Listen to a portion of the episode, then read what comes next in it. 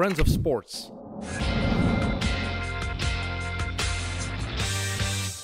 Welkom bij Mit de wekelijkse voetbalpodcast van Friends of Sports. Ik ben Sam Kerkhoffs, vandaag in de zetel Evert Winkelmans, Dennis Seid en special guest Gilles de Koster. Special guest nog wel. Dat is de plaats van de special guest. Ah, is dat zo? Oké, super. Voilà. Uh, Gilles, deze week begint De Mol. Ja. We hebben niet veel luisteraars, dus misschien moet je hier even al verklappen. Ah, ja, ja. En dan weten we meteen... Ik dacht dat je ging vragen, kan je even het concept van het programma uitleggen? het gaat keigoed worden en Jos is de mol, maar vertel het niet verder. Oké. Aan die drie luisteraars uh, zeker niet verder vertellen. Waar kijk je zondag het hardst naar uit? Ja, dat is een hele eerste aflevering van de Mol of de finale van 1B? Uh, ja, dat is. Goh, um, ik ga toch de eerste aflevering van de Mol zeggen. Omdat, voor twee redenen. Het is de heenmatch. Dus de terugmatch is dan pas zes dagen later en die gaat beslissend zijn. En twee, het gaat ook met 100% zekerheid een ongelooflijke kutmatch worden. Dat zijn die promotiefinales altijd. Evert weet dat ook, want die heeft ze vorig jaar met KV Mechelen ook alle twee gezien. Dat zijn echt geen goede matchen. Heb je er uh, goede hoop in? Uh, de, de, geschiedenis spreekt tegen Beerschot. Hè. Uh, al twee keer mislukt op het nippertje. Maar de spreekwoorden zijn dan wel ja, ik, ja ik, het jaar tegen Cercle had Beerschot een ploeg die, die misschien ook nog wel zou kunnen gezien worden als de beste ploeg van 1B. Dat was vorig jaar niet het geval en dit jaar al helemaal niet. Dus ik hou mijn hart vast. Ja, is, is dan is eerlijk, hè? straf dat ze in de finale staan? Ja, dat is dat format van 1B. Hè. Het trekt op niks, af, dat format. Hè. Nee, maar nee, als ze echt geen, geen goede ploeg hebben, ik herinner me twee weken geleden dat er nog vijf kanshebbers waren. Dus- ja, maar je weet het op voorhand. Hè. Je weet voordat je het aan het seizoen begint dat je eigenlijk twee gescheiden mhm. competities hebt. Dus je kan pieken en dat heeft Beerschot fantastisch mhm. gedaan. Ze hebben die eerste periode, die laatste vier matchen, hebben ze eigenlijk getest mhm. voor die tweede periode. En dat heeft goed uitgedraaid. Dus daar moet je wel ook respect voor hebben. Voor Losada, dat hij heeft een reset gedaan. Hè. Dat, dat, is wel knap. Ja, dat heeft hij wel gedaan met een spelersgroep waar denk ik, net niet voldoende kwaliteit in zit om echt de rest te overvleugelen. Van, dat is wel gebleken. Maar goed, dat format blijft een beetje wringen. Ja, Beerschot is een verdiende periodekampioen. Maar goed, je hebt wel uh, je, je, hebt een promotiefinale tussen de derde en de vijfde. Als je die twee periodes samentelt. Ja, en dat klopt niet. Dan, dan, dan, dan zit je nog met een erger onrechtsgevoel dan de halvering van punten. Kan ik me voorstellen voor Westerlo, Virton, Union. Ja, wat je nooit weet, Wagel, ik vermoed dat het feit dat ze in de eerste periode al kampioen waren geworden, dat dat wel invloed heeft op de motivatie. Dat altijd meespeelt. Ja. Ja. Ja. Maar wat Evert zegt, je weet op voorhand dat het het concept is. Dat is het format van 1B. Dus je kan je daarop afstellen. Maar ik ben blij, ik ben super blij. Daar, daar niet van. Hè. Ik vind, vind het echt tof en het is ook wel vrij uniek. Hè. Je speelt denk ik vier keer kampioen op rij en dan drie keer die promotiefinale, want we komen uit de eerste provinciale. dat blijft wel een parcours waar, waar ja, dat, dat, je nog niet veel hebt gezien. Maar ja, het is, het is, ik ben ook veel wedstrijden gaan kijken dit jaar. En dat was toch niet altijd een pretje hoor. Uh, nu, dat geldt voor veel wedstrijden in 1B. Maar het was, ja, het is wat het is. Kan, ja. Ja. Het is wel echt echt heel straf wat Beerschot doet. Want ze doen het ook met drie verschillende coaches. Hè, Brijs, Vreven, Losada. Met drie echt wel verschillende spelersgroepen ook. Dus elk jaar opnieuw slagen ze er wel in om, om iets anders te doen en het toch weer goed te doen. En Leuven heeft echt een probleem, denk ik. Want die, hebben, die laatste wedstrijden waren die echt heel zwak. Ja. En ik, ik kan me bijna niet voorstellen dat je dat dan ineens toch kunt omdraaien. Dat lijkt me heel moeilijk. Ook een, een reset. Ja, maar het is, maar het is echt een finale. Dus het is, je hebt maar twee matchjes om het te doen. En die eerste niet eigenlijk al super... En Beerschot heeft van meer momentum dan, dan ja. Ja, als na 10 minuten een rode kaart voor Beerschot of een gelukkige goal voor OHL, alles begint op 0-0. Dus. Dat, is, dat is één. En twee, ze staan alle twee onder grote druk. Beerschot, omdat het nu eindelijk eens moet gaan lukken. En OHL, ja, daar is ik weet niet wat geld in gepompt. Die, die moeten het ook doen, hè, anders heb je daar ook een probleem. Dus die druk gaat er ook weer voor zorgen dat dat heel slechte Maar gaat Beerschot wel klaar genoeg zijn voor 1A? Stel je voor dat ze die finale winnen. Maar Vraag gaan die klaar genoeg zijn? Nee, dan moeten ze, zijn de mogelijkheden daar? Dan moeten ze kwaliteit bijkopen, mm sowieso. Maar goed, dat geldt denk ik voor elke ploeg die, die wil stijgen. Ik alleen KV Mechelen dat vorig jaar een beetje had, we dat gedacht, die kunnen meedoen mm in 1A, maar voor de rest is dat toch heel logisch dat er moet bijkomen. Ik vraag me gewoon af of Beerschot genoeg financiële mogelijkheden heeft om echt goed te investeren. Ik kan zien naar met de fanbase hier is dat ze wel is geen garantie. Die fanbase hebben ze vroeger ook gehad. En het is toen ook financieel misschien. Nee, natuurlijk. Dus dat is, geen, dat is, dat is geen garantie. Hè? Nee, klopt. Ik mag daar niet meer lachen. nee. Ik ook niet met een Journal Ekeren supporter. Ik mag er helemaal niet meer lachen. En over financiën van voetbalclubs moeten die van Mechelen altijd een beetje bescheiden het blijven. Het is daarmee, ik voelde het direct aan. Dat gaat hier in mijn gezicht ontploffen. Maar Beerschot is, is Sheffield United. Hè. En die man is schatrijk. Dus als hij het goed meent met die ploeg, ja, dan zal hij er wel voor zorgen dat Beerschot een goede ploeg heeft in 1A ook. Schat, schatrijke mensen die iets in een ploeg te zeggen hebben, komt zelfs nog aan bod, denk ik. Eh, als je, ben, ben je echt voetbalfan of enkel Beerschot? Nee, ik ben wel voetbalfan in het algemeen. Ehm, omdat als je enkel Beerschot-fan bent, dat je vaak ook niet veel voetbal ziet, helaas. Ehm, maar die ploeg heeft wel mijn hart gestolen. Daar ga ik al twintig jaar met evenveel plezier naartoe, zelfs langer. Eh, dat heeft ook meer te maken met humor en beleving en, en een fijne avond eh, hebben dan puur het voetbal. Maar daarnaast, ja, ik geniet wel van voetbal. Moet ook, hè, want dat is voor een deel mijn beroep. Uh, maar ik kan ook echt wel genieten van een hele goede topper in de Jupiler Pro League of een, een, een match tussen twee middenmotors in de Premier League kan ook, ook fantastisch zijn. Dus Ja. ik, ik kijk wel heel veel, merk ik. Ja, Oké. Ehm, heb je Mid-Mid al geluisterd? ja, ja Gekeken? absoluut. Ja. Zeker. Je kent het eh, format dus. Onze special guest. Mag, Mag kiezen? kiezen? Ja. Binnenland of buitenland? Eh, nee, gewoon nee. Gewoon nee. De klok zegt nee. Ja. Altijd spannend als, als de klok in gang moet Ja. worden gezet. Maar Gilles, praat maar. Ge- Geef je, Ah, je mag ja, je topics geven. Hè? dus ik mag kiezen waar we mee beginnen. Hè? Ja. Eh, laten we dan met eh, het binnenland beginnen. Oké. Ja. We hadden natuurlijk al heel kort 1B. Klopt. Mhm. Ja, binnenland, wat, wat valt er nog over te zeggen? Ik denk dat er al heel veel gezegd is geweest over de refs, over cerkelen. Dennis van Wijk, denk je dat we het meteen moeten noemen. Hè? KV Oostende, die zijn coach op straat zet. Twee matchen voor het einde van de competitie. Twee matchjes.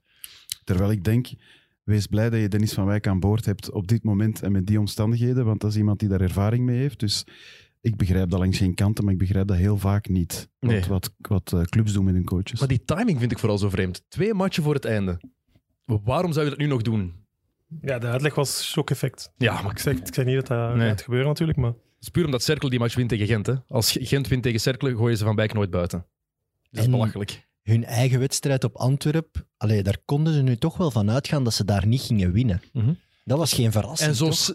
Zo slecht Ze- waren ze Maar ook ze niet. Ze waren niet goed, wel naar de slagbank brengen. Hè. Ze werden pas defensief was het, als, eh, was het eh, niet goed genoeg. Hè? Voor- vooral dat. Hè? Als het al weg was, had ik het gevoel. Het is ook altijd opvallend. eh, de coach wordt buitengegooid. Een twee matchen voor het einde, dat is helemaal absurd. Maar dat is toch ook een teken van wanbeleid. Het zijn nooit die mensen daarboven.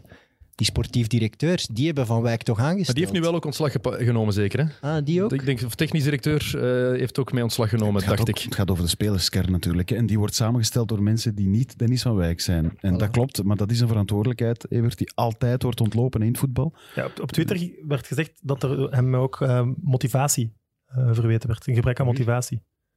Vooral Ja. dan eh, Hij zit er omdat twee- hij in de Classico ging analyseren terwijl een concurrent aan het spelen ik was. vond dat raar. Maar wat, ma- wat maakt dat in deze tijd nog uit? Eén, hij zit de Classico te bekijken. Als hij daarna naar huis gaat, je, je kan die match opgenomen hebben, je kan de rust verder spoelen. Dat maakt toch niks uit wanneer hij die match kijkt. Waarom zou je als trainer de match van een concurrent live moeten zien? Er is toch geen enkele reden voor? De gevoeligheden van de fan. Ja, zo, dat is echt... Dat is Ik kan ook, begrijpen, ik kan ook wel begrijpen, Dennis. Ik kan begrijpen dat dat, dat, dat gevoelig ligt. Eh, ik denk niet dat dat een reden is extra om die mens buiten te gooien. Maar ik ken Dennis van Wijk wel als een integer mens. Mhm. Dus die gaat daar geen greintje minder professioneel om zijn. Maar het gaat om overkomen, inderdaad. Het gaat niet om wat hij doet. Het gaat hoe, hoe hij overkomt bij fans of, of weet ik wat. Het gaat bij het bestuur, als bestuur communiceert of, of laat ehm, ontsnappen dat ze echt twijfelen aan de motivatie, gaat het niet enkel het klassieke moment zijn. hè. Dat, gaat dan de druppel zijn geweest. mij ook straf. En dat daar dan ook de perceptie te hard Ja. van ja, het is echt een gebrek aan motivatie. Tuurlijk, en hij kan die match daarna nog altijd bekijken als hij terug thuis is na de Classico. Ik, ik, snap, ik snap dat Maar excuus gewoon dat- niet. Dus alle mogelijkheden zijn er om die match toch gewoon te bekijken. Hè? Ik denk dat jij ook zei net, net voor de uitzending van, van dat, dat hij bijzonder gefrustreerd rondliep wel daar, of dat je dat Ja, had. leuk, leuk vond hij dat niet, hè, dat, eh, dat Cerkel gewonnen had. Natuurlijk, het is, een, het is een trainer die met zijn ploeg erin wil blijven. Dus je zag het ook wel aan zijn gezicht toen de match afgefloten was. Je voelde die nervositeit bij hem, naarmate de match tussen Cerkel en Gent naar zijn einde liep. Wat ook, denk ik, meer dan normaal is. Dat je, dat je voelt van, shit, we gaan hier ingehaald worden door Cercle Brugge. Lijkt me dan maar al te logisch dat je een beetje gefrustreerd bent. Zijn de fans hypocriet op, op zo'n punt? Nee, nee, maar allee, je moet ook wel eens, eens naar die mensen kijken, zelfs het bestuur en die fans, die zitten thuis voor hun tv. Het is zondagavond, die kijken allemaal naar Gent, Cercle, allee, Cercle Gent, en die kijken niet naar de Classico. Die zien, oei oei, Cercle na 30 seconden, die komen hier al op voorsprong, dat ziet er niet goed uit. Die zappen naar dat andere kanaal en die zien hun coach een wedstrijd becommentariëren die helemaal ergens in het verre buitenland wordt gespeeld. Dan, li- Als je- dan, als loopt die zegt, frustratie op. Dennis, dan snap ik Ja. wel ergens. Ik snap dat de fans dat, die- dat, dat hen frustreert, maar als je gezo- gezond verstand gebruikt, dan weten die fans ook, dat maakt eigenlijk geen, geen zak uit. Maar ik snap de frustratie wel als je het zo zegt, maar ik vind dat niks uitmaken. Maar dan, ja. Hij ging nooit als, als in first person vernemen wat het resultaat was. Hè. Ging altijd tussen de dingen door moeten kijken. Dus- Tuurlijk, ja, dat is zo. Dat is waar. maar goed, ik vind dat kan ik daar fans, meer op zeggen? ik vind dat fans wel vaker hypocriet zijn. eh. Maar ik weet als, niet- als een match verloren ik is, dan mag de speler ook niet op dinsdag in een restaurant niet- gezien ik- worden, want allee, die moet dan zogezegd een hele week Dat thuis. is bullshit. Hè. Ja, voilà, tuurlijk. Mensen hebben een leven hè. en de fans hebben dat, maar de trainers en de anderen ook. Nu goed, het zal wel ongelukkig gekozen zijn, maar dan nog denk ik niet dat KVO nu een meter vooruit gaat komen met een nieuwe coach. Het schokeffect gaat er niet komen op dit moment in het seizoen. Dat geloof ik in geen honderdduizend jaar. Ze hebben wel nog het geluk dat er zoiets bestaat als Waasland Beveren, die volgens mij nog een schakel lager op de, of nog een trede lager staan en die eigenlijk eh, misschien nog net iets minder sterk zijn. Dus ik, ik denk dat Oostende er wel in gaat blijven. Dat denk ik wel. Maar goed, ik ben, nogmaals, ik ben geen kenner. Eh, verre van zelfs. Ik ben een liefhebber. Dus moet dat zeker niet voor waar aannemen. Moet er ook maar- tegen Gent spelen, zeker, hè, Wasland Beveren. Ah, het is ongemeen spannend, hè? Eh Na Bever- Kroen de volgende match. Ja, en dan, Beveren Tegen moet Gent, nu toch moest Kroen gaan winnen. Eh, en dan ligt het echt helemaal open op die laatste speeldag, waar het natuurlijk Cercle Oostende is. Ja, dus het is echt ongemeen spannend geworden. dus als Cercle Oostende dat gelijk spelen? Of... Maar nee, dat zou Cer- eventueel kunnen, maar Cercle in, in de vibe nu, 12 op 12, wat dat ze niet meer hadden gehaald sinds Bob Peters daar trainer was, heb ik gelezen. Wauw. Eh, thuis tegen Oostende in een mogelijk bepalende match, dan geef ik Cercle toch veel meer kans om daar een resultaat mee Maar te dat is wel heel straf eigenlijk, hè, wat Cerkel laat zien. Het was Ja. echt het hele jaar het lachertje van de competitie. Konden niks goed doen. Was dat het lachertje? Nee, eh, wel, dat vond Konden ik niks niet goed doen qua resultaat. Vooral. Het, het, het, het viel resultaat altijd wel. tegen, wil ik zeggen. Ook als ze deftig speelden, was het resultaat altijd slecht voor en niet goed genoeg. Dat is waar. Zo bedoel ik dat Dat meer is waar, eigenlijk. want ik heb ze zien spelen tegen Antwerpen, tegen Anderlecht thuis. Dat zijn matchen die ze eigenlijk twee keer moeten winnen. Zeker Ja. die tegen Antwerpen, waar ze Zeker omstandigheden niet mee hebben. verliezen. Mm. Of zeker niet verliezen. En toch gebeurt dat. In dat geval lachertje. Ja, maar ik bedoel, het wordt lachwekkend omdat je altijd op voorhand kon zeggen van wat er ook gebeurt, Ja. zal wel weer verliezen. Ja. En dat was altijd zo. En nu ineens maar ik, hebben ze die meeval wel. Ja, maar ik heb ze wel vaak mooiere dingen zien doen dan dat ik bijvoorbeeld Anderlecht zag Ja. doen in datzelfde weekend op een ander veld. En in die zin vond ik ze zeker geen lachertje. Nee, klopt, klopt. Ja, ik snap het ook. En mooi, 12 op 12. Stork, hè? Voorspel de finale van play-off 2, Cercle Brugge Anderlecht. ja, Kan dat zo zou maar, kunnen, hè. Ja. Kan zomaar. Het Ja, kan, en dat is het maf van, hè, het kan, ja. Maar goed, dat is, allee, er gaan nog een aantal speeldagen overgaan voor we Zeker. zo ver gaan. En dan zeggen we waarschijnlijk weer heel andere dingen. Sam, enkele weken geleden hadden we het hier over Stork, hè, weet je nog? En toen zei ik, misschien verliest hij door Cercle Brugge de kans om ooit een play-off 1 Ja. ploeg te coachen. Dat dat ging blijven plakken. En dat dat een degradatie zou blijven plakken aan hem. En nu is het plots helemaal andersom. Dat is het, ongelooflijk. eh, ja, weer een medaille erbij is als, Ja. als dit lukt. Hè. Dit is een mega prestatie. Want degradatievoetbal is echt heel moeilijk. En hij zei, na de winst tegen KV Mechelen, zei hij: We have a big, big chance Ja, om erin is- te blijven. en Dat is de eerste Dat was de eerste. Hè? Toen Ik vond dat toen, nog- toen ik dat dacht, dacht ik, ja, hij probeert zijn spelers. Maar als je dat nu terugziet, die man was zo overtuigd. Zeven punten achter stonden ze toen. Hè? En we have a big, big chance. Dus die gast heeft een onwaarschijnlijke motivatietechniek, denk ik. Eh, ja, play-off 1, een kort gezegd. Anderlecht lijkt mij heel moeilijk te worden. Ja, we moeten aan één iemand dan niet vragen wie hij denkt dat de play-off 1 gaat halen. Hè? Eh, ik Aan mij, herinner omdat me ik er niets vier, van vier, vijf weken geleden dat, eh, dat Evert zei dat ze het niet gingen halen. Want, want we hebben swinkels en zo. Allee, Evert, in die- wie haalt, wie haalt nee, nee, play-off nee, 1? nee, nee, dat was niet zo. Ah, nee, dat was Champions League. Dat ging over Champions League. En ik heb gezien op de statistiekenpagina's dat we 4% kans krijgen dat we ook nog Champions League halen. Dus Ja. kijk, alles kan nog. Ja. Maar echt onwaarschijnlijk veel respect voor wat die spelersgroep het laatste anderhalf jaar aan het bereiken is. Dat, dat lijkt maar niet te stoppen. Ik denk elke keer opnieuw, denk ik van ja, oké, nu zitten ze op hun tandvlees, op hun limiet. Maar dat blijft maar presteren. Het zijn ook maar 14, 15 spelers die ze gebruiken. Dus het is niet dat ze 30 spelers kunnen gebruiken, dat ze een heel dikke bank hebben. Nee, het zijn altijd dezelfde spelers. En die blijven maar terugkomen. 0 op 12, 9 op 9. Die blijven zich maar opnieuw heruitvinden. Ik vind dat ongelooflijk knap. Hoe groot moeten we de invloed van Franken daar ins- inschatten? Ja, ik, ik ben altijd de man die zegt, ja, je bent afhankelijk van je spelersmateriaal, maar ik moet toch beginnen denken dat hij ergens een gouden konijn in zijn zak heeft zitten, want hij moet toch iets heel goed kunnen. En Ja, ik denk dat, lijkt mij ook. dat de basis ook weer is motivatie. Die groep lijkt ook achter Franke te staan. Ja, Als je het vanuit een afstand bekijkt, dan lijkt het alsof die groep daar echt helemaal in gelooft. En dat dat ook ja, duidelijk de leider van die ploeg is, wat bij andere trainers bij KV Mechelen in het verleden niet het geval was. Het is een heel uitgebalanceerde groep. Hè. Bij, bij KV Mechelen een aantal heel ervaren mannen en een aantal minder ervaren mannen die aan het opkomen zijn of die hun tweede adem vinden. Ehm, wat je ook hebt, denk ik, is het één tegen alle gevoel. Met heel operatie schone handen zie je dat die spelersgroep zich daar niks van heeft aangetrokken, wat heel straf is. Hm. En dat klopt ook, die hadden er niks mee te maken. Eh, ik denk dat dat ook wel, en Wouter Franken heeft dat ook zeker gebruikt als motivatie, want dat heb ik een paar keer zien en horen doen, dat dat ook wel een rol heeft gespeeld. Dat geloof ik ook wel. Ja, en ze hebben, eh, dat heeft Chill gelijk, ze hebben eigenlijk een relatief eh, ervaren ploeg. Ze hebben echt eigenlijk een oude ploeg. Wat dan meteen ook de schrik voor volgend seizoen meebrengt. Van het wordt een belangrijke zomer. Want supporters denken nu van, goh, we zijn gearriveerd. We hebben 16.000 toeschouwers. We gaan misschien voor het eerst play-off 1 spelen. We hebben een paar fantastische wedstrijden thuis gehad waarin dat we topploegen echt wel pijn deden. Nu zijn we er. KV Mechelen wordt een soort van subtopper. Zultuarium, zeg maar. Ja, ja met Zultuari van een paar jaar geleden. Maar het wordt heel moeilijk om dit te bestendigen. Dus ik, ik ben echt eigenlijk benieuwd. Play-off 1 oké, maar wat daarna? Daar ben ik ook heel benieuwd naar. Financieel bij, in Mechelen. Ja, niet zo goed. Dat, dat weet iedereen. Ik denk, de jaarcijfers zijn nog maar net bekendgemaakt. We hadden 8 miljoen euro verlies door eh, dat fantastische 1B, waar dat je alleen maar verlies kan maken. Dus eh, ze hebben een tribune gebouwd, ze zijn gedegradeerd, ze hebben een heel dure spelersgroep. Ja, de degradatie kon wel niet op een slechter moment Nee, ko- gebeuren. propere handen kwam er bovenop, waardoor dat ze daar toch ook extra financiële uitgaven hebben moeten doen. Niet alleen advocaten, maar ze hebben ook een Olivier Somers moeten uitkopen, die uit het bestuur moest verdwijnen. Dat heeft allemaal heel veel geld gekost. Dus ik denk dat ze in het bestuur echt eh, zitten te bieden dat het goed afloopt, play-off 1, want ja, dat is een financiële boost van je welste.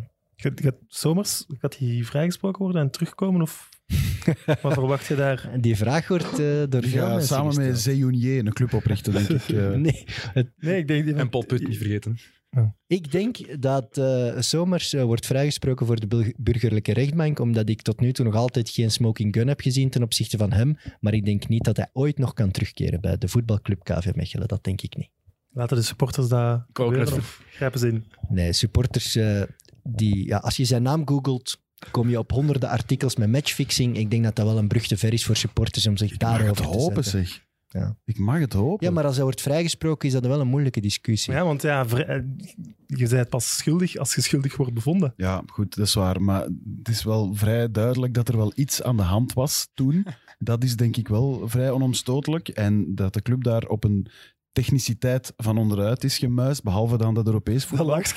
Nee, nee, maar goed, dat blij- ik, ik, en, en dat, dat, Nee, nee, maar is ik bij steun- heel veel mensen in het verkeerde keel gaat geschoten. Ik- dat blijft heel onrechtvaardig. Ik, ik ben er altijd heel eerlijk over geweest. Ik vind het onwaarschijnlijk dat KV Mechelen in eerste klasse is beland. Ja, ik ook. Dat is door een anomalie in het eh, voetbalreglement van de voetbalbond, dat zij slecht in elkaar hebben gestoken. KV heeft daar 100% van geprofiteerd. Maar de schuldige is volgens mij, en ja, ik moet hier oppassen wat ik zeg, of ik krijg weer iedereen over mij, maar is heel Iedereen. duidelijk het vorige bestuur geweest. Vlak voor Olivier Somers daar was. Het was eh, Timmermans, Steemans en dan vooral ja, Thierry Steemans, de financieel directeur, die de contacten met Velkovic heeft gelegd. Die man die heeft boter op zijn hoofd. En dat Er is de is toch iets, een telefoongesprek waar Somers het niet in bevestigt dat Ja. het mag doorgaan, maar dat Ja. hem ook niet zegt Dat gaat, zo- waarover dat het, gaat zo'n goede Belgasport worden binnen tien jaar. hè. Echt. Oh, dat gaat zo'n goede Belgasport Als uw worden. financieel directeur eh, matchfixing heeft proberen doen, dan moet je als club en als supporter ook eer, heel eerlijk zijn en zeggen, ja, hier zijn we zwaar in de fout gegaan. Ja. En dat hebben ze tot op vandaag niet gedaan. De supporters En- wel. Daar ben ik als fan heel kwaad om. Hè, dat is wel. De supporters wel. Ja, want KV ja, Mechelen, dat vind ik wel. Sommigen. Ja, de- KV Mechelen heeft wel jarenlang, denk ik, over heel België het positiefste Ja, imago gehad. En dat zijn we kwijt. Als je dan als tweede ploeg, waarvoor je hebt sympathie, zeiden de meeste mensen KV Maar dat ben je kwijt, maar door de supporters ben je dat niet helemaal kwijt. Hmm. Denk ik. Omdat de supporters, wat Chill zegt, voor een groot deel. Er is een heel groot deel dat ook toegegeven heeft dat ze in de fout gegaan zijn. Die zich daar duidelijk voor schamen. Zoals jij ook hebt, Evert. Die dat niet ontkennen van we zijn zwaar in de fout gegaan. en Eigenlijk hadden we niet in eerste klasse mogen spelen. En omdat het ja, een mooie supporters. Clan is eigenlijk. Hè. Dat zorgt ervoor, denk je, dat er nog een klein beetje sympathie voor, voor KV Mechelen is. Maar het is ook nog allemaal onder voorbouw, hè? De licentie... Dingen en de wedstrijden die Cercle had, denk ik. Ja, Cercle heeft alles spelen onder voorbouw tegen KV. Mechelen. Het, Ja, het, het, zou, het is België, hè, jongens? Ja, maar- Dus Ja, het tuurlijk, kan, tuurlijk. kan zeer zomaar. goed argument. Dat is waar. het cynische zou zijn dat natuurlijk Beveren degradeert en de licentie van KV Mechelen gaat aanvallen. Dan krijgen we heel het circus weer opnieuw. Want ja, voor mij is Beveren even goed had, had ook even goed moeten zeker genoemd, gestraft ja. worden. Dus dat wordt wel een heel grappige situatie. Grappig. Grappig. ja. Vroeger was het simpeler. Hè? Vroeger werden gewoon teruggezet naar tweede klas bij vermoeden van eh, degradatie. Allee, wat was dat? Ja. 83 of ja, zoiets? zoiets denk ik. Ja, ja, ja. Hmm. Eh, Hier, ik- nog even. Ja? De mannen Allee. krijgen een goal op vrij schop tegen en die leggen heel de competitie plat. Eh, ja. schaamt jij je dan ook, Gilles? Ja. Ja? Ja, ja, tuurlijk. maar ik, ja, dat is omdat je denkt, goh ja, we hadden daar in geen honderdduizend jaar een punt geraapt op Virton, want dat vergeet iedereen tijdens die match. Eh, en, en het is onnozel. Eh, het enige wat daar misschien van te onthouden is, is dat je heel hard moet opletten met onervaren scheidsrechters. Want al zal die technisch gezien geen fout hebben gemaakt... Allee, hij had niet gezegd aan de spelers van Virton dat ze moesten wachten. Dus op die goal zal wel geldig zijn. Dat is allemaal niet belangrijk. Het is gewoon een gast van 23 die belangrijke wedstrijden fluit. Ja, je moet zien dat hij op niveau is. Misschien Eh, zelfs, maar is dat- soms meer druk op een 1B-wedstrijd dan in Zeker, 1A-wedstrijden. zeker. Ja. Maar het, is het een garantie? 1B, jong. Maakt niet uit of je ervaren bent tegenwoordig ook weer als scheidsrechter in, eh in Genk Club Brugge. Die mens had ook prut in zijn ogen. Hè? Dus Eh, kom maar zeggen. Laforge, denk ik. Ik weet het niet meer. Dus Laforge, nee, het was niet Laforge. Ik, maar Of wat, Lambrecht, ik weet het. eh, Maar, is wat. hij en de VAR die hadden allebei een zwarte bril op en die niks zagen. Maar, dus ervaring maakt soms zelfs niet uit, denk ik. Nee, ja, dat is waar. Ehm, maar goed, eh, om, om terug te keren naar uw vraag, Sam. Ja, ik vind dat beschamend en, en dat is niet prettig. Eh, dat is in geen enkel geval prettig als, als juridische beslommering het halen op het sportieve. Daar was ik ook heel blij om. En ik denk iedereen dat ze zijn gaan winnen op Lokeren en dat, eh, dat het op het veld is beslist. Dat we van die zever tenminste eh, verlost zijn. Maar goed, zolang er mogelijkheden blijven om, om juridisch dingen aan te vechten, gaan clubs dat proberen. Zeker die dat in 1B zitten en geld nodig hebben en naar 1A willen. Ehm, heel eerlijk te zijn, ik snap dat ook, dat je dat doet. Ja. Ze Als er moeten. iets met, met Zeker, een bedrijf je- zou als je- gebeuren en ik zou op die manier het nog in leven kunnen houden... Want als je in B, dat proberen. 1B terechtkomt, dan weet je dat quasi om zeep Ja. is. En zoals Evert net zei, dan heb je financieel zo'n ongelofelijke kater dat het, dat, het moeilijk wordt, dat, dat het moeilijk wordt om op zijn Bob Peters te zeggen. Eh, Lambrechts was trouwens eh, Lambrechts. Ah, ja. scheidsrechter. Ja, kijk. Club Brugge trouwens, eh, ja, zeer straf herpakt na Manchester United. Waar toch gezegd werd van, ja, je moet zorgen dat het geen afstraffing wordt, Mhm. want dat gaat mentaal in de kleren kruipen. Ja, het was een afstraffing. Niks van gemerkt eigenlijk. Hè. Eh, Ze nee. waren toch echt goed. Ja, ja moeilijke absoluut. uitmatch. Ik- het was lang geleden dat ik ze nog eens echt op niveau had gezien. Eh, ondanks het feit dat Vormer er niet bij is. Hè, die loopt daar niet, niet bij. Eh, ik vind Schrijvers ook heel goed ingevallen toen. Die heeft mij echt gecharmeerd. En dat is een beetje zoals ooit Dries Mertens is overkomen. Als die start, maakt die minder indruk. Hè, dat is toch? Dat hoorde dat hij heel niet maf. graag. hè. Nee, nee, maar ik ben je gaat geen grotere fan van Mertens tegenkomen dan mij. Maar dat, dat, ooit werd hij een supersub genoemd. Dat is nu gelukkig voorbij. Maar o- dat- ik vind dat iets heel maf. Een raar dynamiek dat een speler pas echt ontploft als hij een hele korte tijd heeft om, om, eh, om in te vallen en een verschil maken. Van schrijvers echt een nieuwe adem aan Club Brugge geven. Zo. Die zich dan meer willen bewijzen, lijkt mij heel vaak. Want Ja, je- misschien, ah, ja. je gaat mij niet opstellen in de basis hier. Ik zal eens laten zien wat ik kan doen in 20 minuten. Maar intrinsiek heeft hij wel de kwaliteiten natuurlijk om een Tuurlijk. 90 minuten te doen. Hè. Schrijvers en Of de verdediger die al wat moer is. Kan dat een verschil maken? Dat kan ook, ja, ik weet het. Ja. Ik weet het ook. Maar alleszins, Brugge was inderdaad weer charmerend goed. Al, mm, allee, Balanta had er wel afgemogen voor mij. Maar er waren... Tenminste. Ja, er waren een heel Ja, aantal fases. We kunnen ja. het over de refs hebben natuurlijk. Oh maar nee. Er is al genoeg over gezegd geweest. Ze, wa- ze waren blind, heel simpel. Ze hebben gewoon, ik, het is onbegrijpelijk, meer moet daar niet over gezegd worden, dat ze die fases niet gezien hebben. Als de ref op het veld het niet ziet, oké, maar als je alle beelden Wel- hebt, Welke kan vond je de strafste van het weekend die verkeerd was ingeschat? het, het natrappen echt. Wie was Ja. het? Ehm Diatta, denk ik. Ja, die letterlijk gewoon Niet in standaard stellen wat die in Brugge Genk bedoelt. in Genkbrugge, ja, die letterlijk gewoon niet naar de bal probeert te shotten, maar naar Op de ballen van... Ja, Ja, die ja. gewoon echt naar die zijn kruis trapt. ja, het is die dat ik bedoelde trouwens. Het is niet Balanta. Het is inderdaad Diatta die dat doet. Allee, de- hoe dat je die dat... van standaard. Als je kijkt, ja, maar ik, in Maar daar puur over geen club even die Ja, match. Als, je, als, je dat, als je dat ziet als VAR, dat is toch... Je hebt twee seconden nodig om te weten, ja, oké, rood. Maar is dat dan omdat er gezegd is geweest? Minder ingrijpen? Ja, want, want je zegt, we gaan het niet nog eens over arbiters hebben, maar we moeten het wel heel even over hebben, omdat deze week staat in het Nieuwsblad eh, een artikel dat, ze, of, dat er een aantal anoniem reageren en eh, klagen over heel slechte communicatie met de voetbalbond en dan die referee department die op maandag altijd komt zeggen wat goed en wat niet goed was. Dat stinkt daar wel een beetje, is mijn indruk. Het stinkt daar al een tijdje natuurlijk. Je hebt daar ook wat wissels aan de top gehad. Je hebt daar die buitenlanders gehad die ze voor heel veel geld hadden gehaald, die Brit en zo. Ja. Nu een Fransman. Eh, ja, je voelt dat al die Belgische scheidsrechters zich niet goed in hun vel voelen. En dat is toch wel spijtig, want ze zijn wel belangrijk. En ik vraag me soms ook af of iedereen wel echt weet wat hij moet doen. Ja. Tim Potts, de, de huisref van, eh, van het laatste nieuws, die zegt bijvoorbeeld die hensbal van Rits is zeker geen, geen hands, totaal niet. En dan is er het referee department dat zegt absoluut wel handsbal. Ja. Ja, maar van hen snapt niemand nog iets. Dus dat snap ik dat daar nog verwarring is. Dat, dat, allee, dat kunnen nog beter, denk ik, eh, kwantummechanica gaan proberen uitleggen, want dat zal iets simpeler zijn. Ehm, maar het- wat, wat Oulari zegt aan de rust, eh, heel hard, hè, we zijn in België en het niveau van arbitrage enzovoort. Ik vraag mij wel af, klopt dat? En dan denk ik, ja, als je naar de Champions League kijkt, zie je toch wel veel consequenter. eh, Ja.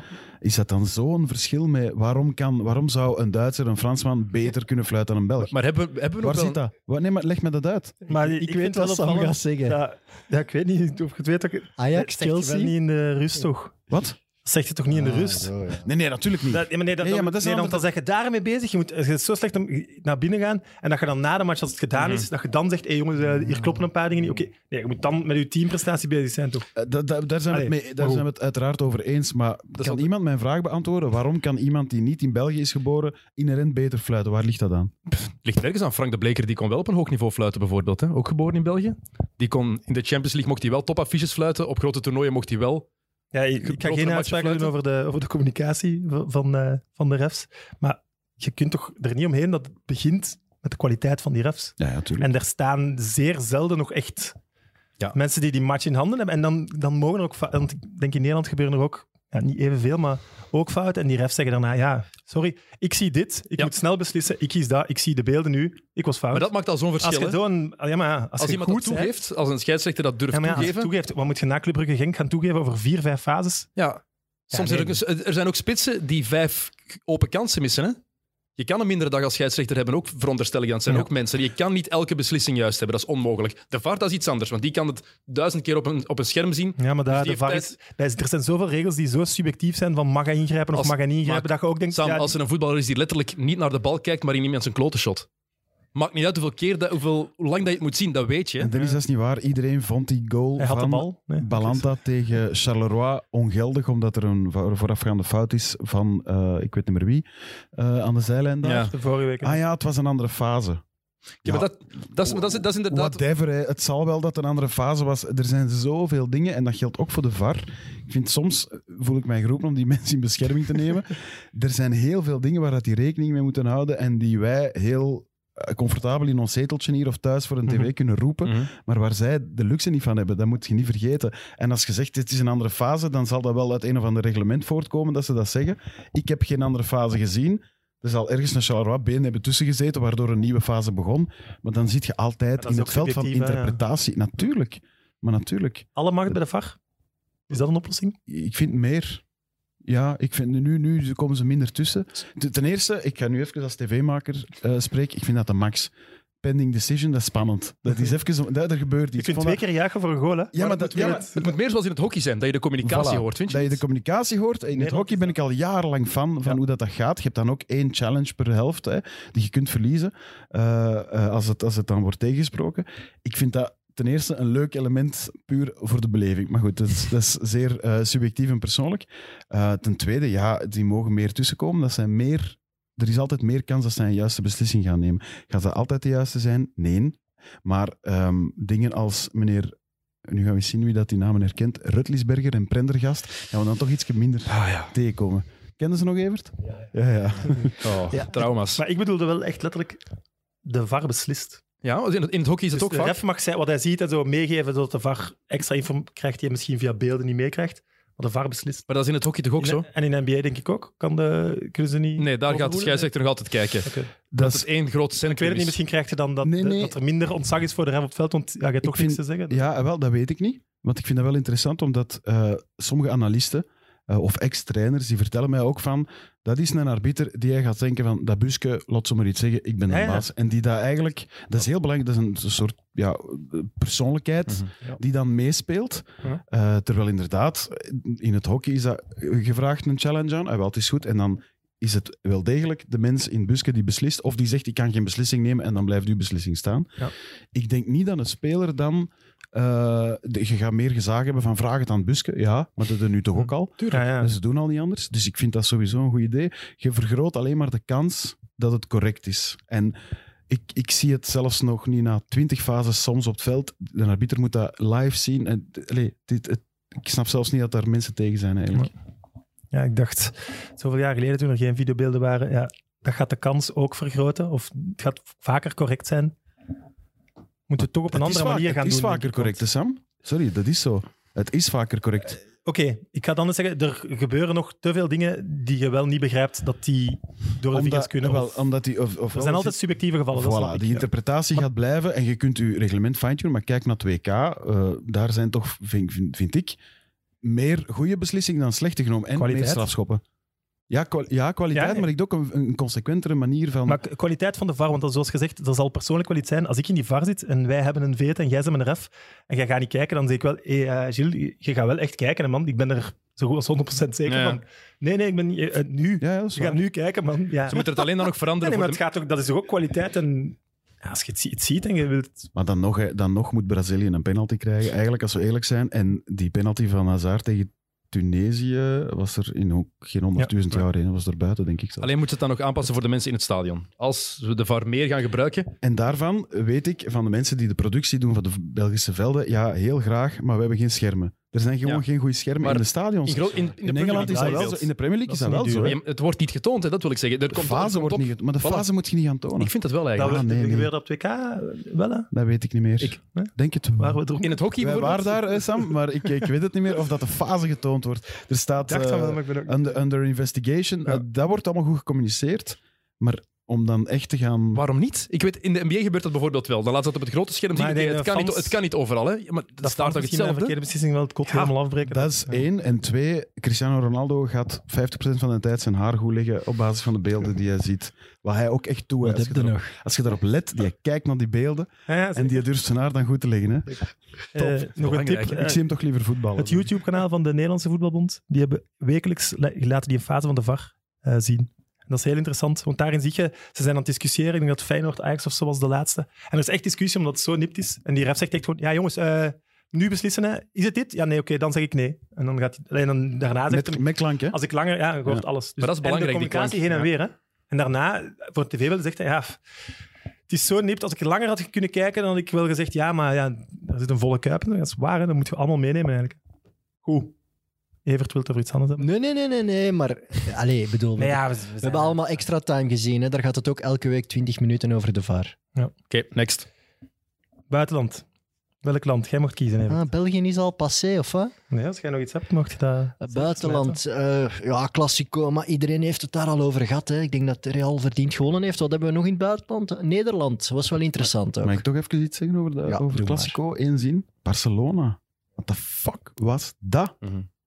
Is ontluisterend. Ik vond dat echt ontluisterend. Mhm. ja.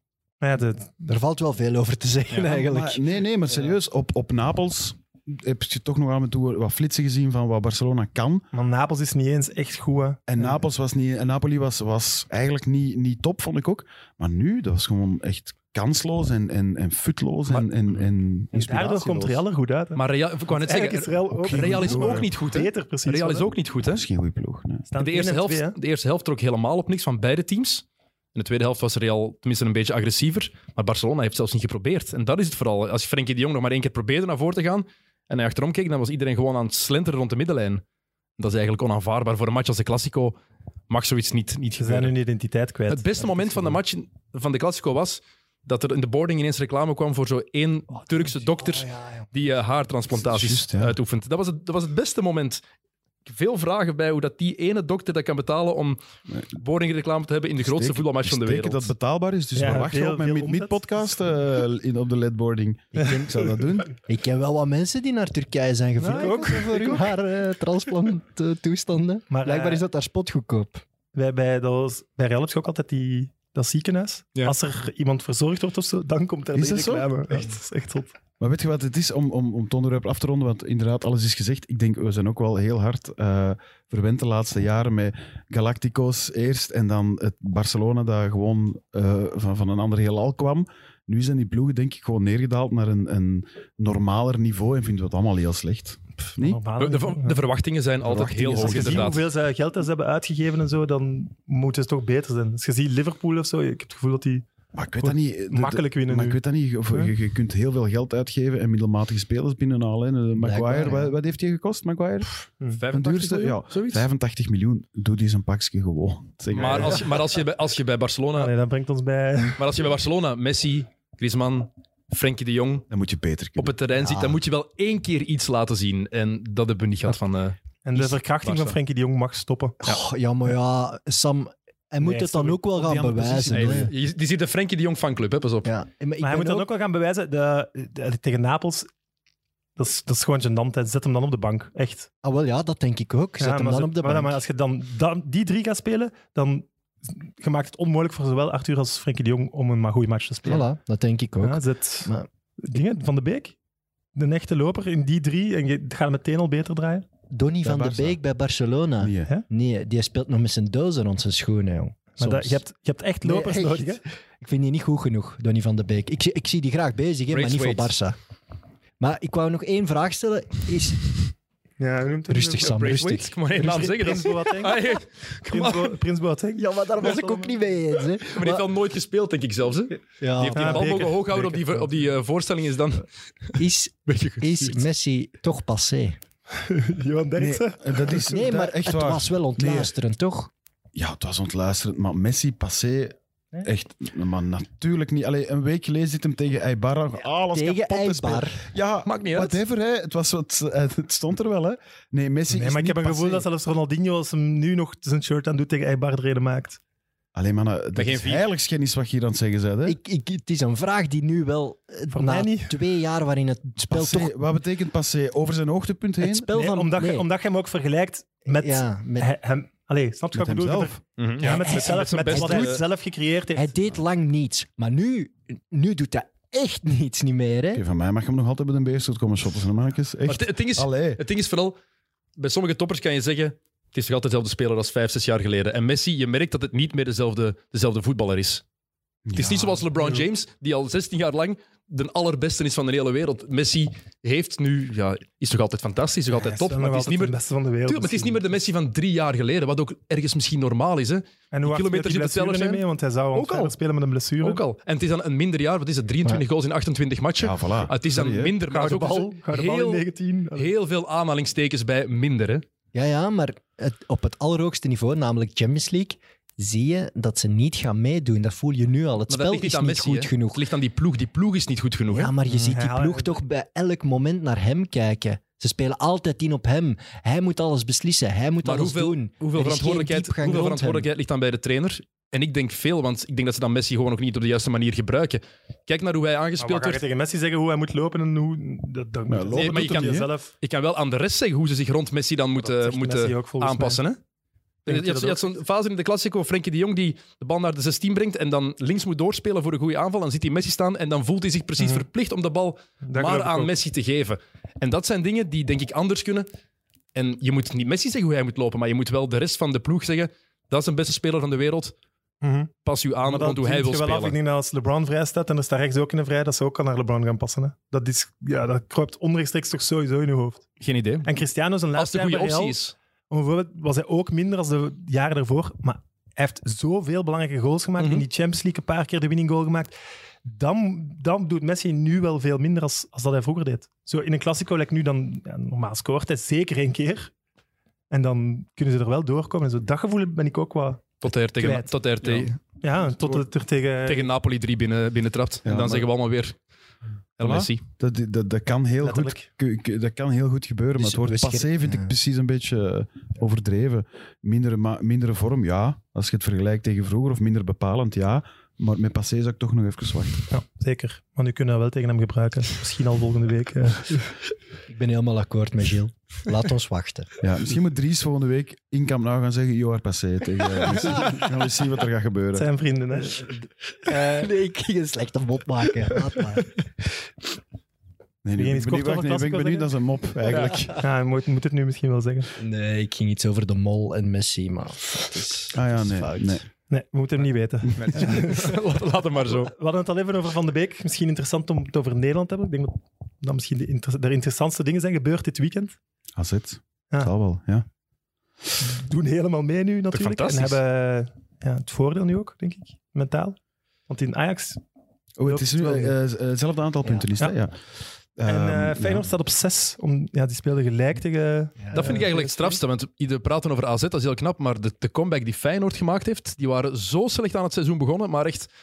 Ja, die stonden vreselijk. heel ver op een gegeven Ja, en dan komt de Dikkie binnen, een Dikkie advocaat, die, eh, verloren. die redt het daar even. Hè. Ineens is dat een nieuwe ploeg, ploeg met vertrouwen, en die gewoon nog niet uitgeteld zijn voor de titel, zelfs zeven punten achterstand, denk ik. Ik ga de stand eens zoeken, maar ik, zes punten.